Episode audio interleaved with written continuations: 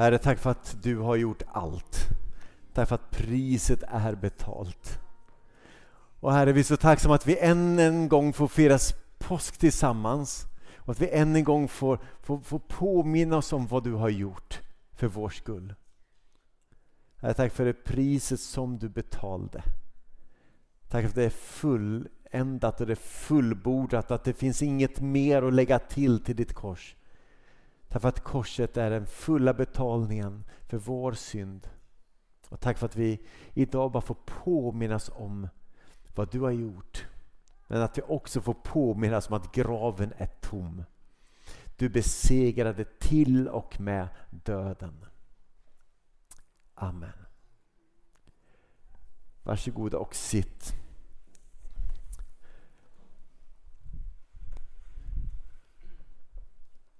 Satt och tittade på det här korset. Det är lite märkligt egentligen att vi dekorerar ett, ett avrättningsredskap med blommor. Hade man gjort det för innan Jesu död så hade det varit väldigt märkligt. Det är som att dekorera en giljotin eller en elektrisk stol liksom, med lite blommor för att piffa till. Men korset är inte längre bara en dödens symbol. Det är så mycket mer. För vi vet att ur hans död så väcktes det liv. Vi har under sex söndagar talat om temat På väg vidare och egentligen hör det ihop med den serie som vi hade i höstas som vi bara kallade för På väg som delvis bygger på en bok som jag skrev, eh, eller har skrivit ett tag, som kom ut i höstas i alla fall. Och mycket i den boken har vi inte predikat om, så att har du inte läst den så kan jag bara rekommendera det. Det finns några, fem, sex stycken kvar av den där nere. Målet har ändå varit att hjälpa oss att eh, dels få en bra start på vår vandring tillsammans med Jesus, men också har vi velat ge en god grund för hur vi kan fortsätta att vandra med Jesus. Och Bibeln den är, den är verkligen fullkomligt fullmatad med ett bildspråk som beskriver att våra liv är som en vandring tillsammans med Jesus. Och att man får den här känslan av att, man, att vi vandrar våra liv och att vi lever på en vandring. Och jag vet att för en del har det väckt lite tankar och känslor där man känner att åh, blir jag aldrig klar? Ska jag fortsätta att gå? Blir jag inte färdig? Kommer jag inte fram någon gång? Kan jag inte bara få vila och vara nöjd? Måste jag liksom alltid vara på väg? Ska vi inte leva här och nu och se till att våra liv här blir våra bästa liv? Och jag skulle vilja ge två svar på det. Dels, absolut, vandringen på jorden är inte tänkt att vara en vandring till Gud, utan en vandring med Gud.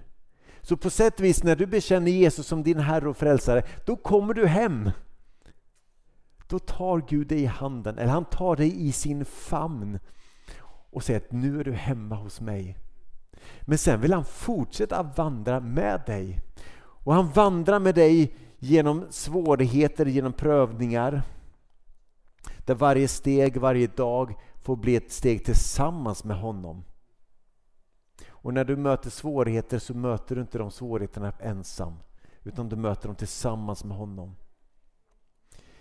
Det andra då jag skulle säga är att det är faktiskt så att ditt liv här på jorden aldrig kan bli, om du nu tror på Jesus, så kan ditt liv på jorden aldrig bli ditt bästa liv.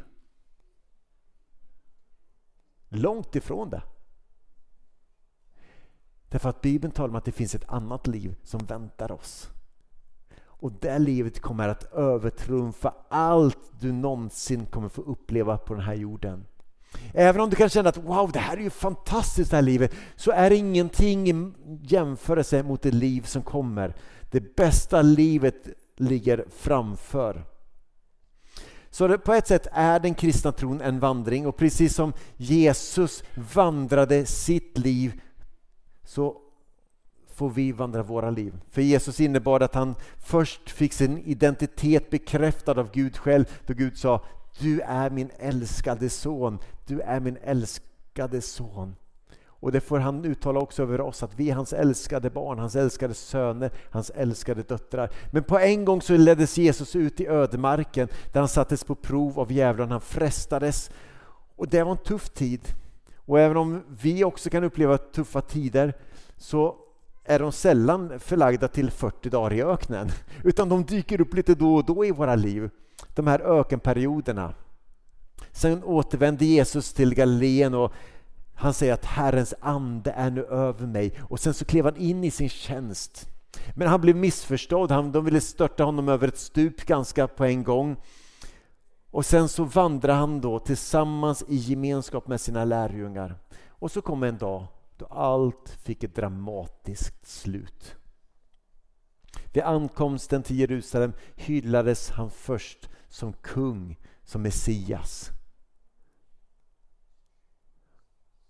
Och man ropade Hosianna, Davids son och det ekade mellan väggarna liksom, när han klev in och det var sån fest. Men det tog inte många dagar förrän det var ett annat rop som hördes på Jerusalems gator. Och man hörde ordet korsfäst istället. Och när Jesus tog sitt sista andetag så var det inte bara Jesus som dog. Lärjungarnas hopp dog. De hade trott att han var Messias, men nu dog han och de gick och fiska. Tre år hade de följt Jesus och de hade satt sin hela förhoppning till honom. Och de hade lämnat sina båtar, de hade lämnat sina gamla liv och sagt att nu ska vi följa Jesus och det här kommer bli bra. Vi följer Messias. Och han dog. Och allt hopp dog. De hade hört honom säga att jag är vägen, sanningen och livet. Men livet, sanningen och vägen dog. Han hade sagt att jag är Messias och jag ska bygga min församling och inte ens helvetets portar kan vinna över den församlingen. Men han som skulle bygga dog. Han som hade sagt jag är världens ljus, jag är den goda herden. Jag som är livets bröd, jag är uppståndelsen och livet. Helt plötsligt var han död och allt talade för att det här är slutet.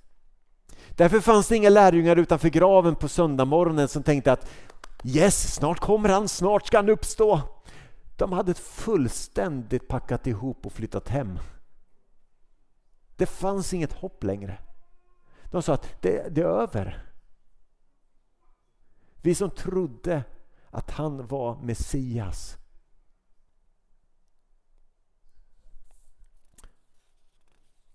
Nikodemus och Josef från Armatia tog hans kropp och lade den i en grav. Och så vitt lärjungarna kunde förstå så hade Jesus vandrat färdigt och nu var de helt vilse. Och det fanns inga lärjungar utanför graven som räknade tio, nio, åtta, snart kommer han ut, snart rullar stenen bort. Det fanns inga där. För de var totalt sagt att det är över. Och när väl Jesus sen uppstod så trodde de inte på det. Och ibland så hamnar vi i de här situationerna då vi tycker att livet verkar dött. Att allt hopp är ute. Och det enda som verkar finnas framför oss är en grav. Och vi ser ingen annan väg fram. Och jag tänker på när Jesus till och med ropade i slutet av sitt liv så ropar han med orden Min Gud varför har du övergivit mig? Han tyckte att Gud, du är ju borta från mig nu. Men med facit i hand så vet vi att Gud aldrig har varit mer aktiv än vad han var den långfredagen då Jesus stod. Han var, i, han var i görningen, han gjorde någonting då. Han var verksam. Han var på väg att betala all världens synd och ta all världens straff på sig.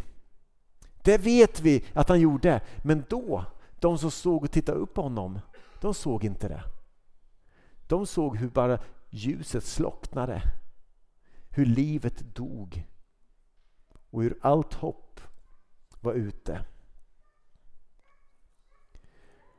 Men ofta är det så Gud verkar. Då allt hopp verkar ute, då, vi, då man tycker att ja, men jag är på, det här, hur kunde det bli så här? Då är Gud verksam. Jag tänker när det var först när drömmaren Josef kom som slav till Egypten som hans drömmar kunde gå i uppfyllelse.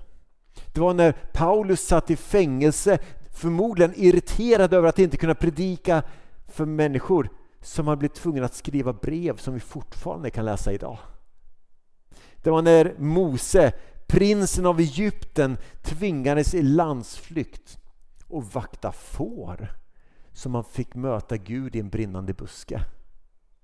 Alltså när, när gång på gång ser vi att när människor är på en plats där de inte vill vara eller där de är i en situation där de tycker att Gud, var är du? Varför har du övergivit mig? Som Gud är ibland som mest verksam. Är inte det märkligt? Men Gud verkar inte som vi tror. Han kan verka i det fördolda, han kan verka under ytan, han kan verka och helt plötsligt inser vi bara med facit i hand, Gud du var ju verksam här. Du gjorde någonting större än vad jag kunde ana.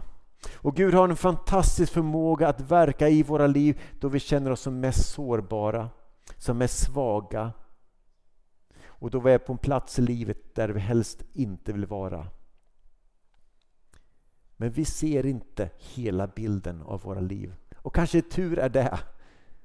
Men när vi är mitt i det så undrar vi bara, Gud, vad gör du nu? Och en sak är säker, att även om du inte ser vad han gör så är han verksam.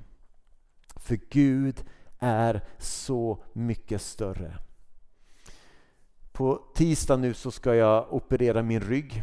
De ska skruva in lite skruvar i ryggraden och sätta fast några metallplattor så att jag ska slippa ha ont, säger de. Eh, och jag kan inte förstå varför inte Gud har helat mig. Vi har bett som tokar, skulle jag vilja säga. Och eh, mina kollegor har passat på varenda tillfälle som finns att be för mig. Ändå tror jag på helande mer än någonsin. Och nu har Gud han har två dagar på sig ifall han vill hela mig. Eh, så jag ska tigga lite förbön efter gudstjänsten här vid förbönen. Men jag vet att det är inte Guds vilja att vi ska vara sjuka eller att vi ska lida. Men vi lever i en trasig, fallen värld som inte är precis så som Gud har önskat. Och precis som Gud tog Jesu kropp, förvandlade den och skapade en ny kropp så ska han ändå förvandla vår trasiga värld till någonting nytt. Och det är ett hopp att se fram emot. Men även om vi inte, eller även inte jag har fått sett ett helande, så kan Gud ändå leda. Han kan tala. Han verkar. Och det är märkligt, jag tror att när jag har stått borta vid förbönen vid gudstjänstens slut så Alltså det, det, är märkligt hur de flesta som kommit fram till mig för att få förbön tror jag har varit för att jag har ont i ryggen. Och vid flera tillfällen så ser man att ah, men det är bättre nu. Det är borta. Och jag bara undrar, Gud, varför? Jag fattar inte riktigt, men det där med facit i hand kan vi se att Gud ändå är verksam. Jag lever inte mitt bästa liv här och nu, även om jag är tacksam för det Gud gör. Jag är tacksam för min familj, jag är tacksam för det Gud gör. Men jag vet att det ligger något bättre framför. Och det här som påsken kraschlandar in i våra liv. För Jesus stannade inte i graven. Det gör att när vi tycker att hoppet är ute så vet vi att det kommer en uppståndelse. Det, händer, det kommer hända någonting mer. Gud överklagade människornas dom av Jesus som hade dömt honom till döden. Och Gud överklagade och sagt att den där domen var inte rättvis. Och Gud uppväckte Jesus från döden. Han blev inte återupplivad. Det var inte så att Gud kom en hjärtstartare och dung, liksom startade liv i hans kropp igen. Han fick en ny kropp. Han blev, han blev uppstånden, inte återuppväckt. Han fick en ny kropp, en annan slags kropp. Gud hade en gång skapat jorden på sex dagar. Sedan dess står det inte någon gång i Bibeln att Gud skapade. Men här skapar han på nytt. Han skapar en ny kropp åt sin egen son så att han skulle bli den första av en ny mänsklighet. Han blev den förstfödde av många bröder, står det. Och han fick en ny kropp, en förhärligad kropp. Och i begynnelsen så skapade Gud först himmel och jord och på sista dagen skapade han, en ny män, skapade han människan. Men när Gud ska sätta igång och skapa igen så började han på påskdagen och han skapade den första människan. Och den här gången kommer han skapa en ny himmel och en ny jord sist. Så han förbereder den mänsklighet som ska befolka den nya himlen och den nya jorden.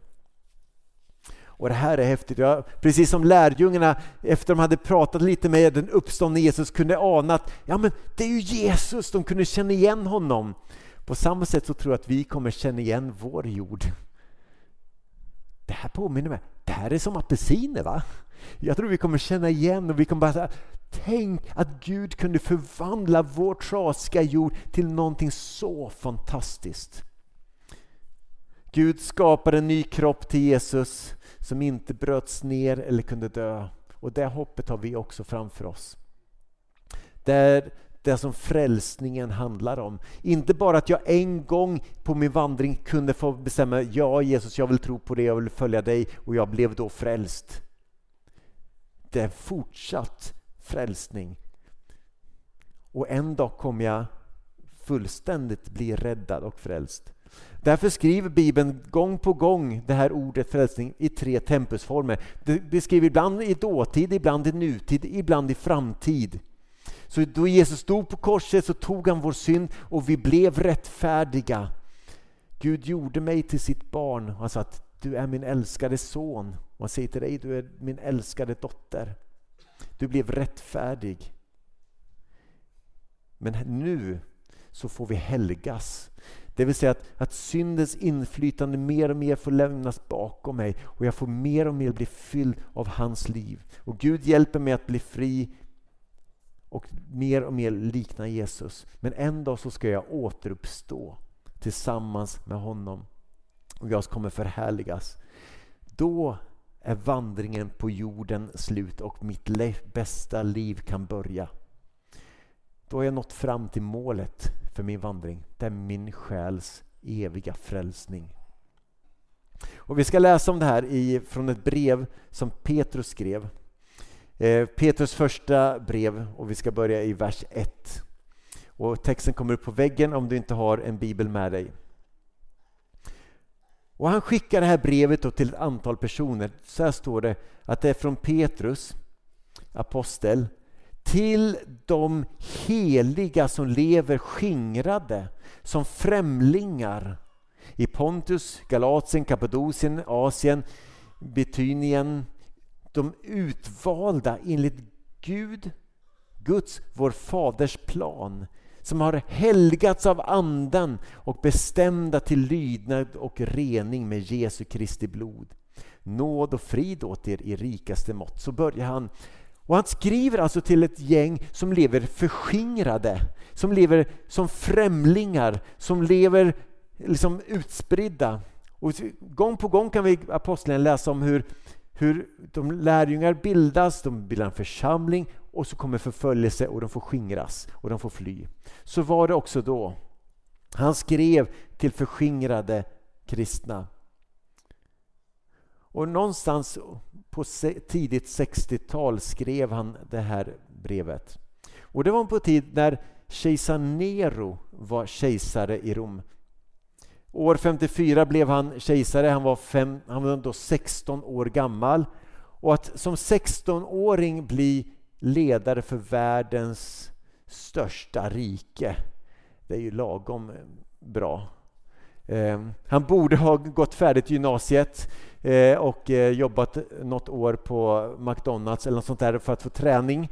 Och eh, att sätta en 16-årig kille med alla hormoner i kroppen så att leda världens största rike, det är lagom begåvat. Men så gjorde man då. Och han var ganska misstänksam så fort det dök upp någon i hans närhet som, som liksom kunde utgöra något hot så hade han ihjäl dem. Och år 64 så kom stora delar av Rom att brinna ner och ne kom Rom att brinna ner och Nero han gav skulden på de kristna. Och vi vet av dokument att uppemot 3000 kristna offrades inne på Colosseum för att bli mat för lejon. Vi vet att andra doppades i kära och användes som facklor vid Neros barbecue party på kvällarna. Och det var till någon gång i den här vevan som Petrus skrev sitt brev. De levde inte sina bästa liv här och nu. Det fanns så mycket mer att önska. Men han skrev det och han säger så här till dem. Välsignad är vår Herre Jesu Kristi Gud och Fader. I sin stora, och det här ordet är så viktigt, i sin stora, vadå? Barmhärtighet har han fött oss på nytt till ett levande hopp. Hur har det här nya hoppet, hur har det här levande hoppet kunnat föda oss till liv till på nytt? Jo, genom Jesu Kristi uppståndelse från de döda. Tack vare att Jesus klev ut ur graven och började leva så kan vi få kliva ur våra gamla liv och få leva ett nytt liv tillsammans med Jesus. Det är tack vare det. Och jag är så glad att Jesus inte stannade på korset utan att han klev ut ur graven så att vi kan få liv tillsammans med honom. Och vad är då detta hopp? Jo, det är ett arv som inte kan förstöras, fläckas eller vissna som väntar på er i himlen. Och tänk så här, att du lever kanske med rädsla för kommer någon att ange mig imorgon? Kommer jag att bli utsatt för den förföljelse, den tortyr som många av mina medkristna har blivit? Och så säger han då så här att ni har ett arv som inte kan fläckas eller förstöras eller vissna. Därför mötte många av de troende när de kastades till lejonen i Colosseum så sa, det finns en dokumentation om hur en läkare sa så här att de fruktar inte döden. Därför att de har ett hopp om någonting annat. Då Gud uppväckte Jesus från de döda så besegrade han döden en gång för alla, för alla de som valt att tro på Jesus. Hoppet om ett uppståndelseliv, det var levande från första kristna. De visste, dör jag, ja, då dör jag för Herren. Får jag leva, ja, då ska jag leva för Herren. Om jag vare sig dör eller lever, så lever jag för honom. Det här livet är inte vårt bästa liv. Vi kommer få möta svårigheter och prövningar. Men vi får vandra och vi vet att det finns ett hopp framför oss. Och det får påsken påminnas om. Och han fortsätter skriva så här. Ty Guds makt beskyddar er genom tron så att ni aldrig mer kommer behöva utstå prövningar. Nej, så står det faktiskt inte. Så här står det.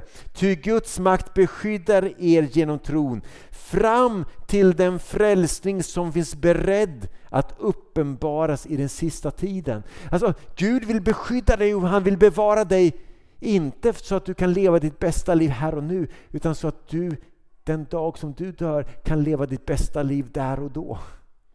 Han vill bevara din själ, han vill bevara din tro så att den håller ut ända till slutet. Gud vill beskydda vår tro så att den håller fram. Och sen säger de här orden, med tanke på vilka han skrev till, känns lite väl magstarka. Han säger så här, därför så kan ni jubla. Även om ni just nu för en kort tid skulle få utstå prövningar av olika slag, som att kastas till lejon eller brännas levande.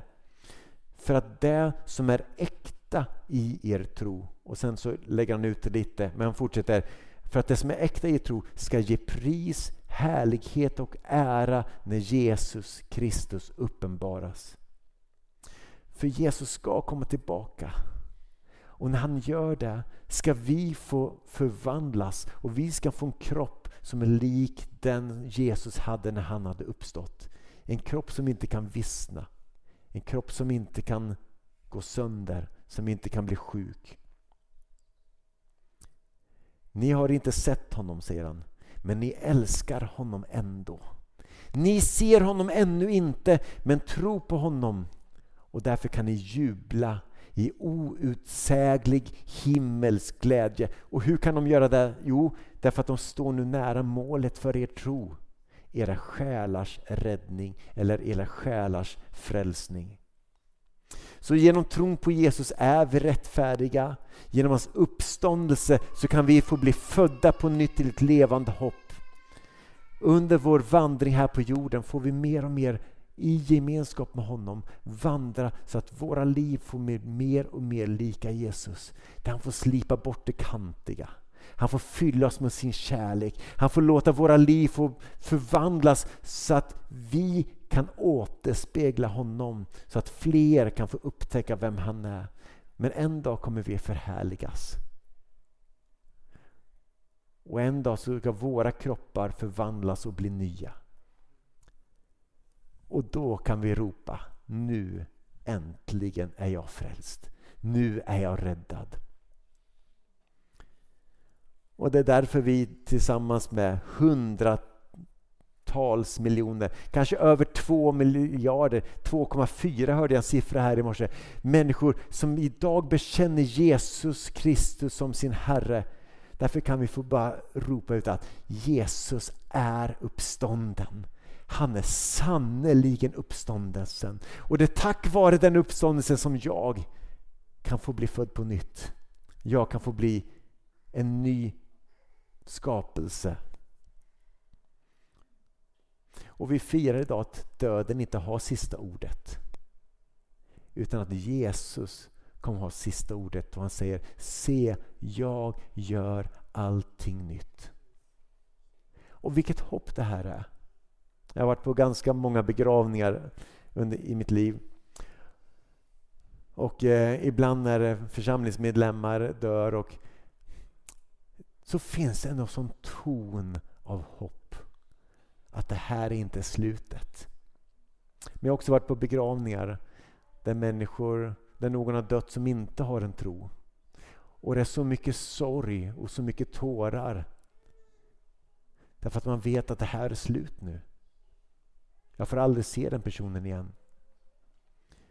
Men vår förhoppning och vår tro är att när vi bekänner Jesus Kristus som vår Herre och vår Frälsare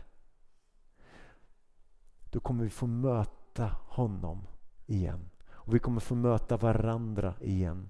Och det är den tomma graven som är själva grejen. Utan påskdagen och allt liksom, så skulle, så skulle lärjungarna gå tillbaka och fiskat. Ingen skulle skrivit ner någonting av det Jesus hade sagt eller gjort. Det skulle glömts bort efter några år. Det är den tomma graven som är själva grejen. Så egentligen borde vi Många går omkring med ett kors runt halsen. Vi kanske egentligen skulle gå omkring med en gravsten runt halsen. Eller en tom grav. Kanske lite tungt men det uppståndelsen från de döda som är grejen. Genom västvärlden, så, i både den lutherska kyrkan och katolska kyrkan, har man väldigt mycket fokus på långfredagen. Men den ortodoxa kyrkan i, i öst, där har man mycket mer fokus på uppståndelsen. Och ibland så skulle vi vara lite mer österländska på så sätt. Påminnas om att Jesus, ja han dog för våra synder och det måste vi komma ihåg. Men han uppstod också för vår rättfärdighet. Det är Jesu uppståndelse från de döda som var den första kristnas huvudsakliga budskap. Vi tror på en Gud som besegrat döden. Så att när vår vandring här på jorden är slut så kan vi börja leva våra bästa liv. Därför kan vi jubla. Även om vi just nu för en tid skulle behöva utstå prövningar av olika slag. Därför att Gud är större. Han har besegrat döden. Och därför kan vi smycka ett kors med blommor. Därför att det påminner oss om det liv som han har. Jag skulle säga att om du är här som ännu inte tagit emot Jesus som din Herre och Frälsare. Då skulle jag vilja uppmuntra dig, gör det. Inte bara så att du en gång när du dör ska få komma till himlen. Därför att med honom i ditt liv här så kan han visa dig, han kan vägleda dig, han kan redan nu och här börja verka i ditt liv. Så att ditt liv här kan bli bättre. Inte så att du ska få mer framgång och lycka och välfinnande utan så att han kan få fylla dig med sitt liv. Så att du oavsett vad du möter i livet kan få möta livet tillsammans med Gud. Men också så att en, den dag som du dör så finns ett hopp om en uppståndelse. Påsken påminner oss om att döden inte är slutet. Påsken innehåller en tom grav som visar att Jesus Kristus stannar inte där. Han uppstod och han lever idag. Gud är större. Och vi kan få lämna våra gamla vägar och börja gå på hans väg tillsammans med honom. Han har besegrat döden. Han är större. Och korset, det är platsen där priset betalades för din och min synd. Utan korset så finns inget hopp. Men utan en tom grav finns inte heller ett hopp. Korset och den tomma graven det ropar in i våra liv att Gud är större. Han kan göra saker i våra liv även när det ser som mörkast ut. Så Herre, tack för att du Tack för att du lever idag och tack för att vi kan få ropa ut den här bekännelsen att Jesus är uppstånden. Han är sannoliken uppstånden. Och vi kan få göra det med full förvissning om att vi vet att du klev ut ur graven. Döden kunde inte hålla dig kvar. Döden var inget hinder för dig. Och tack för att inte heller för oss som tror på dig så är inte döden något hinder. Vi kan få leva om vi så dör. För att det finns ett hopp. Det finns uppståndelse som väntar. Och en dag ska allting bli nytt. Och Herre, jag ber att du i våra liv skulle få verka med din heliga Ande. Visa oss, Herre, din väg så att vi kan vandra i din sanning. Och hjälp oss att leva våra liv här och nu så att våra liv där och då blir bästa möjliga. Och hjälp oss att här och nu få hjälpa andra att upptäcka dig, lära känna dig. Så att de också en dag ska kunna få leva sina bästa liv tillsammans med dig. Tack för korset. Tack för din död och tack för din uppståndelse. Amen.